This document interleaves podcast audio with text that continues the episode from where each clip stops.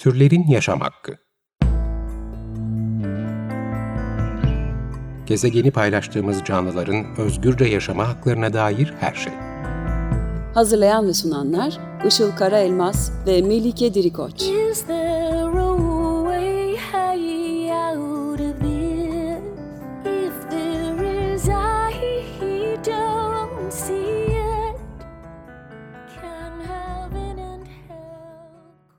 Merhabalar, 94.9 Açık Radyo'da Türlerin Yaşam Hakkı programı başladı. Ben Melike Dirikoç. Merhabalar, ben de Işıl Karaelmaz. Teknik Masa'da Selahattin Çolak'la birlikte kayıt alıyoruz. Bugünkü destekçilerimiz Haik Maral ve Sayat Arslanlıoğlu'na ve diğer tüm program destekçilerimize teşekkür ediyoruz. Bugün geçen hafta başladığımız veganlık karşıtı argümanlara cevaplar serisi kapsamında yine sıkça duyduğumuz bir söylem olan hayvanlar biz insanların çektiği gibi acı çekmiyorlar ya da hayvanlar onları kullansak bile onlara yapılanların farkında değiller veya bunları umursamıyorlar gibi argümanlara cevap vereceğiz. Dolayısıyla insan dışı hayvanların bilinçleri konusunu ele alacağız. Ee, önce hayvan bilinci e, meselesinden başlayalım istersen. Tarihte bugün konuştuğumuz ve belli bir noktaya kadar bilim dünyasında konsensusa varılan bir hayvan bilincinden maalesef her zaman e, bahsedilmediğini görüyoruz. Tarihte uzun süre boyunca felsefe ve bilim alanında özellikle hayvanlar komplike, hiçbir bilişsel e, süreci olmayan, işte çok ilkel formda bir beyne sahip, zeka açısından oldukça e, düşük zekalı e, ve daha çok sadece e, çevrelerinden gelen dış uyaranlara tepkiler veren yaşam formları olarak görüldüler ve maalesef bu düşünce tarzının bugünlere bile taşındığını, bugün tartışacağımız argümanların varlığından da anlayabiliyoruz. E, hayvan bilincinin tarihte ve hala günümüzde bile bu şekilde değerlendirilmesinin altında yatan en önemli sebep bana göre insan dışı hayvanların e, bilinç süreçlerini ve davranışlarının insanınkiler baz alınarak değerlendirilmesi. Örneğin e, Aristoteles'in Scala Naturae yani e, doğa cetvelinde en yukarıda bir tanrı, e, onun altında melekler ve insanlar, e, aşağı doğru işte diğer memeliler, kuşlar, balıklar, böcekler ve en aşağıda da yumuşakçaların olduğu bir piramit e, olduğunu görüyoruz. Yine çoğu programda bahsettiğimiz özellikle tek tanrılı dinler sonrası kurgulanan insan merkezci hiyerarşik yapıyı yansıtıyor aslında bu. E, Scala Naturae ve bu üstenci zihniyet pek çoklarını hayvanların belli bir bilişsel yetiye sahip olmadıkları yani en azından insanda görülenler gibi bir yetiye sahip olmadıkları sonucuna varmaya teşvik etti. Bununla beraber modern felsefenin öncüsü olarak kabul edilen e, René Descartes e, hayvanlar biyolojik makinelerdir argümanını da e, ortaya koydu ve maalesef bu ayrımcı görüşün yüzyıllar boyu devamına da epey, epey büyük bir rol oynadı bu argüman ve e, Descartes'in bu bakış açısını takip eden süreçte de hayvanların bir makine sayılmaları doğrultusunda hakları olan bireyler olmamalarının dışında acı çekmedikleri de düşünülerek onlar üzerinde hiçbir uyuşturma işlemi uygulanmadan canlı haldelerken e, korkunç deneyler yapıldı. Bu konudan Hayvan Deneyleri kitabını konuştuğumuz bölümümüzde detaylı olarak bahsetmiştik. Dileyenler e, arşivden e, tekrar dinleyebilirler. Descartes'in hayvanların aptal makineler olduğu tezi asırlar boyu süre gelecek olan insan ve insan dışı hayvanlar arasında görülmez bir duvarın örülmesine ve bunun akademik e, camiada da var olmasına neden oldu. Bu sebeple uzun süreler insan dışı hayvan davranışı araştırmaları objektif bir düzlemde yürütülemedi maalesef. E, karşılaştırmalı psikoloji ise e, hayvanların davranış ve zihinsel süreçlerini inceleyen alan olarak e, ortaya çıktı ve böceklerden primatlara kadar pek çok insan dışı e, hayvanı e, inceledi ve inceliyor. İnsan dışı hayvanların süreçlerini anlama metodu yine daha çok insan ve insan dışı türler arası karşılaştırma yapmak. Bu noktada insan bilinci hayvan bilincini anlamak için bir standart olarak belirlenmiş. E, bunun en büyük sebeplerinden biri de insan bilincinin büyük oranda en esnek ve en uyum sağlayan zeka formu olduğunu düşünülmesi. Bu karşılaştırmada insan dışı hayvanların bilinci ve zeka seviyeleri de insan zekasına ne kadar yakın olduklarıyla e, ölçümlenmekte. E, izlenen bu metodun aslında hayvan bilincini ve davranışlarını anlama konusunda sıkıntılı olan kısımlarından biraz bahsetmek istiyorum. Alman biyolog e, Jakob von Uexküll hayvanların bakış açılarına dikkat çekerek buna Umwelt e, adını veriyor. Umwelt çevreleyen dünya anlamına geliyor. Üskül'e göre her organizma çevreyi kendi yöntemlerine göre duyumsar. Yani tekil bir çevre onu deneyimleyene göre yüzlerce farklı gerçeklik sunabilir. Örneğin bazı hayvanlar mor ötesi ışınları algılayabilirken diğerleri kokular dünyasında yaşıyor olabilir. Ve aslında o hayvan olmadıkça siz onların kendi dünyalarında da nasıl yaşadıklarını bilmeniz imkansızdır.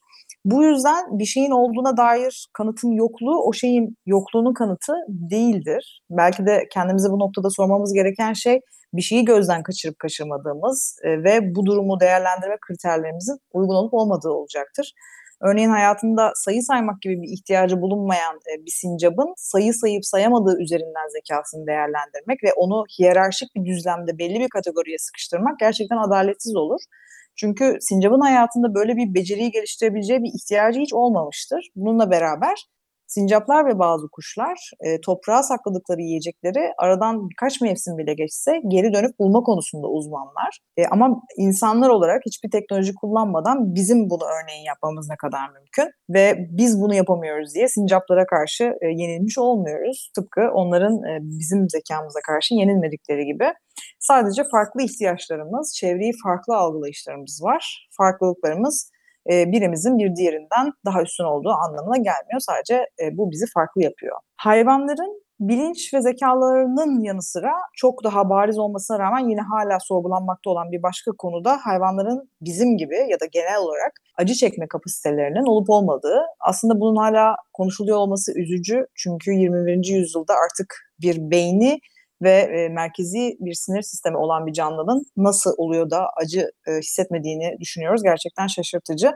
Yani acı merkezi olan, acıyı iletecek sinir ağlarına sahip bir canlının e, acıyı hissetmediğini söylemek e, gerçekten sürreel bir durum adeta. E, kölelik karşıtı yani abolisyonist hayvan hakları kuramının kurucusu Gary Francione, hayvanların hissetmediği ya da acı çekmediği argümanına şöyle bir cevap veriyor. Bu tıpkı gözleri olan bir canlının görme eylemi gerçekleştirmeye dair bir belirtisinin e, ya da isteğinin olmadığını düşünmek gibidir. Son derece saçmadır diyor.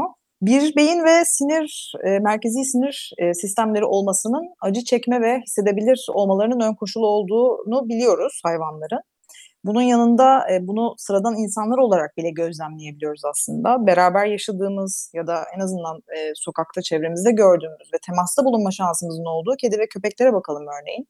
Vücutlarına can yakıcı bir müdahale olduğunda yüksek sesler çıkartarak oradan kaçıyorlar. Acıdan kaçınıyorlar. Kendilerine acı verdiğini öğrendikleri şeylerden ya da diğer canlılardan uzak duruyorlar. E, bununla beraber bir dünyaları ve bu dünyada sergiledikleri rutin davranışları olduğunu görüyoruz kendilerinin ve kendileri dışında olan bir dünyanın farkında olma halleri var. Kendi çıkarlarını gözetiyorlar. Diğerleri ile ile ilgili e, diğerleriyle ilişki kurma ve pozitif ve negatif duygulanımlar yaşama gibi pek çok kompleks bilişsel süreçlerin olduğunu gözlemleyebiliyoruz. E, ancak söz konusu temas halinde olmamıza izin verilmeyen, gerçek hallerini neredeyse unuttuğumuz bir süt kutusuna ya da et reyonunda e, beden parçaları bize sunulan, propaganda araçlarıyla nesnelere dönüştürülmüş, insan merkezci ve kartezyen zihniyet doğrultusunda kendi hayatlarını ya da onlara yapılanları umursamadıkları düşüncesi bize aşılanmış, sömürü ve katliam zinciri içinde sıkışmış hayvanlar içinse onların hissetmediklerini ya da çoğunlukla acı çekmediklerini maalesef iddia eden bir zihniyet var. Ancak bu bizim büyük çelişkimiz. Çünkü kedi ve köpek ile kuzu ve inek arasında, karga ile tavuk arasında, uğur böceği ile arı arasında ya da tüm hissedebilir hayvanlar arasında hissedebilirlik ve acı duyma kapasitesi açısından hiçbir fark yok. E, hep söylüyoruz bu programda bunu. Bu farklılık yalnızca bizim bozulan ve manipüle edilen algılarımızla alakalı. Evet belki burada e, daha önce de programını yaptığımız Cambridge Bilinç Deklarasyonu'nu da hatırlamakta fayda var. Çünkü 7 e, Temmuz 2012 tarihinde yayınlanmış bu bildiri tam da bundan bahsediyor. İnsan dışı hayvanların da sadece fiziksel acıyı değil daha farklı duygulanımları da yaşadıklarını ve kendinin farkındalığına sahip, bilinç sahibi varlıklar olduklarını e, söylüyor bu bildiri. Üstelik sadece memeliler değil, kuşlar ve omurgasızları da kapsıyor. Bir buçuk sayfalık bir bildiri bu. Oradan e, küçük bir alıntı yapmak istiyorum. Diyor ki bir neokorteksin olmaması, bu memelilerde olan beynin bir bölümü, bir neokorteksin olmaması bir organizmanın duygusal haller yaşamasını engellememektedir. Aynı noktada buluşan ortak kanıtlar hayvanlarda nöroanatomik, nörokimyasal ve nörofizyolojik bilinç durumlarının alt katmanlarının var olduğunu ve hayvanların kasıtlı davranışlar gösterme kapasitesi taşıdıklarını göstermektedir. Bunun sonucu olarak elimizdeki kanıtlara göre insan bilinç oluşturan nörolojik altyapıya sahip tek canlı değildir. Aralarında bütün memeliler, kuşlar ve ahtapot gibi birçok canlının da bulunduğu hayvanda bu nörolojik altyapı bulunmaktadır diyor. Dolayısıyla neler yaşadığının farkında olan bilinçli canlılardan bahsediyoruz.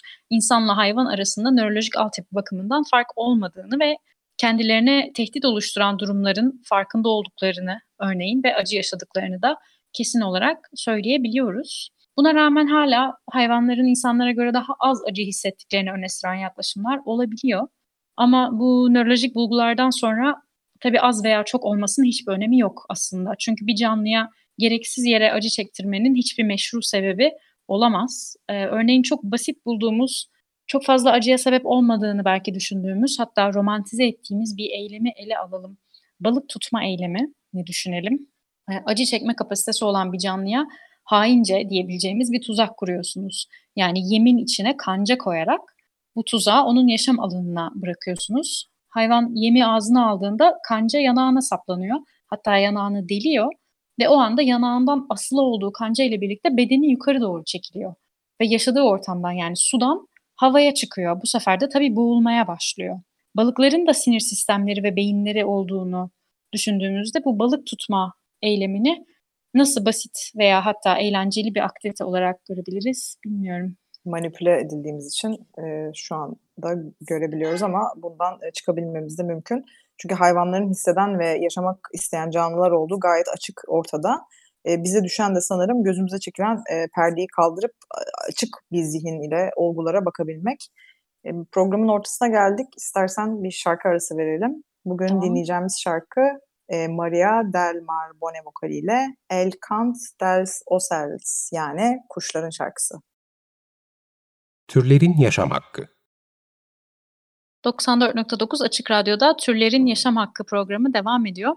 Geçen hafta başladığımız veganlık karşıtı argümanlara cevaplar serisi kapsamında bugün hayvanlar biz insanların çektiği gibi acı çekmiyorlar ya da hayvanlar onları kullansak bile onlara yapılanları umursamazlar gibi argümanları tartışıyorduk. Ee, senin de başta bahsettiğin gibi hayvanları bu insan merkezci bakışla ve insana referans vererek anlama çabasını örnekleyen ve bunun eleştirisini yapan kısa bir belgesel var. E, ondan bahsetmek istiyorum biraz. Explained belgesel serisinin Animal Intelligence, hayvan zekası adlı bölümü bu. E, burada hayvan zekasını anlama çalışmalarını anlatıyor tarih boyunca ve biz insanlarda bulunan çok gurur duyduğumuz ve zeka belirtisi olarak gördüğümüz özellikleri hayvanlarda aramaya çalışarak başlıyor bu çalışmalar. Ee, örneğin 1940'ların sonunda şempanzelere insan dili öğretmenin mümkün olup olmadığını anlamaya çalışıyorlar. Tabii ki denemeler başarısız oluyor. Çünkü sonradan anlaşılıyor ki şempanzelerin ses telleri konuşmaya uygun yapıda değilmiş.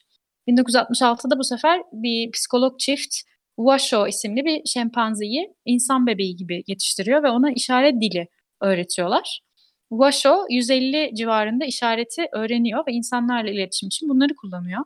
E, böylece hayvanların farklı şekillerde iletişim kurabildiğini kanıtlıyorlar. Bu e, bütün yapılan çalışmalardan sadece bir tanesi. İletişim dışında da tabii diğer zeka göstergelerini de arıyorlar. Örneğin e, sadece insanlarda olduğu düşünülen zamanında sosyal zeka var. Ama sosyal zekanın da yine şempanzeler en bilineni olmak üzere tüm türlerde bulunduğu e, zamanla kanıtlanıyor. Veya alet kullanımı var. Yine en başta sadece insana özel olduğu düşünülüyor. Ama sonra önce primatlarda e, anlaşılıyor. Sonra da bazı kuşlarda bile alet kullanımı olduğu görülüyor. Belgeseldeki örnekte de kargalar sadece var olan aletleri de kullanmıyorlar.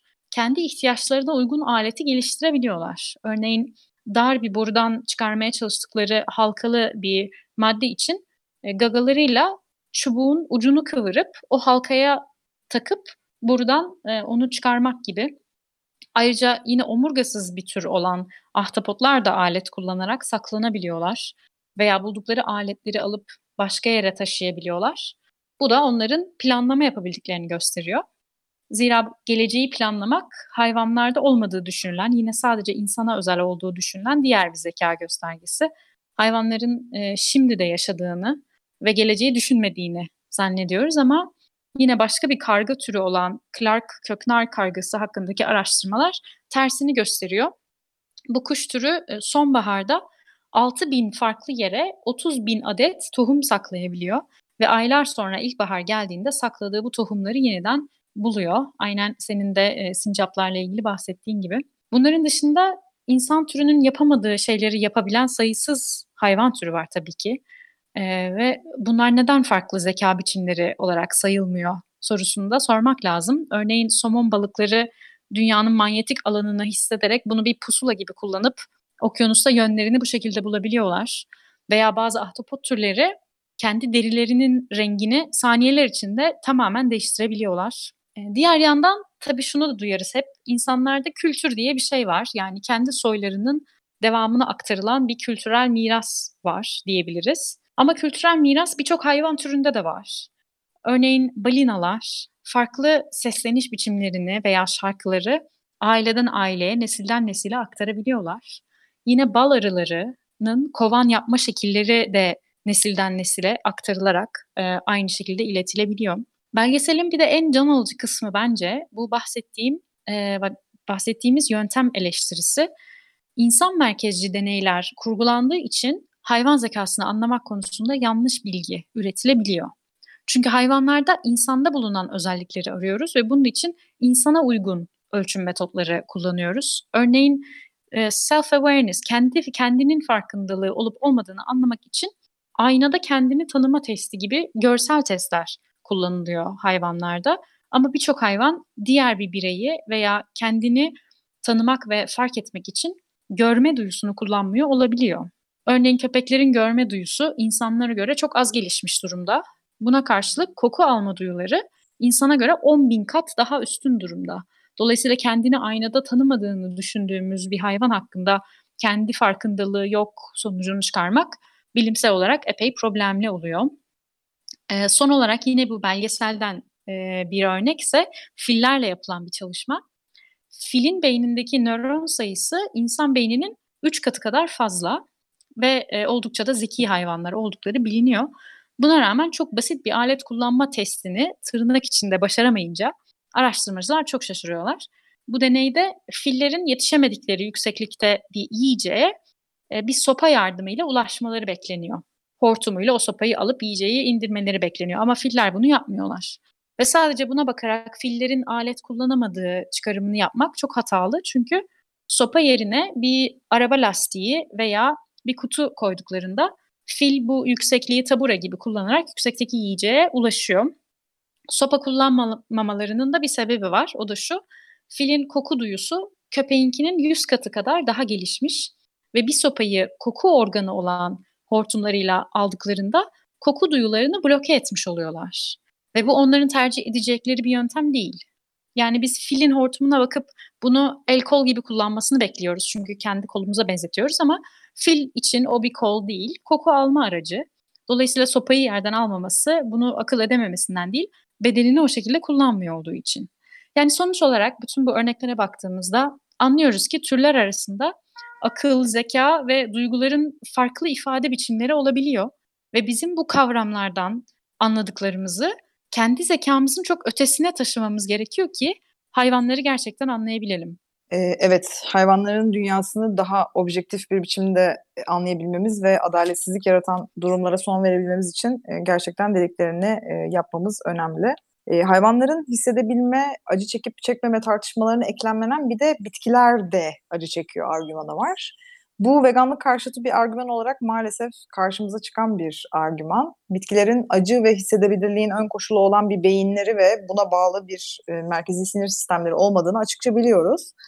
Bitkilerin acı çektiği argümanı aslında bilimsel bir olgudan çok bitkiler üzerinde yapılan bazı araştırmaların popüler kültür içinde kulaktan kulağa işte bitkilerin acı çektiği kanıtlandığı gibi e, absürt bir e, bulgunun yayılmasıyla ortaya çıktı. E, bazı bitkiler üzerinde yapılan bazı araştırmalar hayvanlar tarafından e, yenilen bu bitkilerin yenilirken kimyasal bir tepkime gerçekleştirdiğini ortaya koyuyor. E, bununla beraber örneğin sinek kapan bitkisi gibi iç yüzeyinde e, tetikleyici tüyler bulunan e, ve bu tüyler sayesinde e, değen herhangi bir şey olduğu zaman mekanik kapanma hareketi e, gerçekleştiren e, bitkiler olduğunu biliyoruz. E, ancak bu noktada genel olarak karıştırılan durum e, bitkilerin bu hareketleri aslında bilişsel süreçlerden geçerek değil, e, tepkimeler sonucunda yaptıkları. Yani tepkimeyle e, farkındalığı ve bilinci karıştırıyoruz sanırım. E, ayrıca evrimsel açıdan e, acının bilinen en temel sonuçlarından birinin de kaçma refleksi olduğunu biliyoruz. E, ve sanırım hiçbirimiz bıçak deyince kaçan bir domates ya da marul görmedik. E, aslında bitkilerin belli bir seviyede yani bu bahsettiğim daha metafiziksel bir seviye acı çekiyor olabileceğini söylemenin e, bilimsellikten çok daha çok subjektif bir görüş ya da inançla alakası olduğunu düşünüyorum. E, bu anlamda Sapiens kitabının yazarı tarih bilimci Yuval Noah Harari bilim ve etik başlıklı konuşmasında bitkilerin bilinç sahibi hisseden canlılar olduğu ve bitkilerle hayvanların bu anlamda aynı olduklarını iddia etmenin bilimsel cahilliği işaret ettiğini söylüyor. Yani acı çektiğinden bilimsel olarak emin olduğumuz bir hayvana gereksiz yere acı vermenin bahanesi olarak e, bitkileri kullanmak e, son derece garip. Çünkü aslında teknik olarak o zaman ikisini de yemememiz gerekiyor.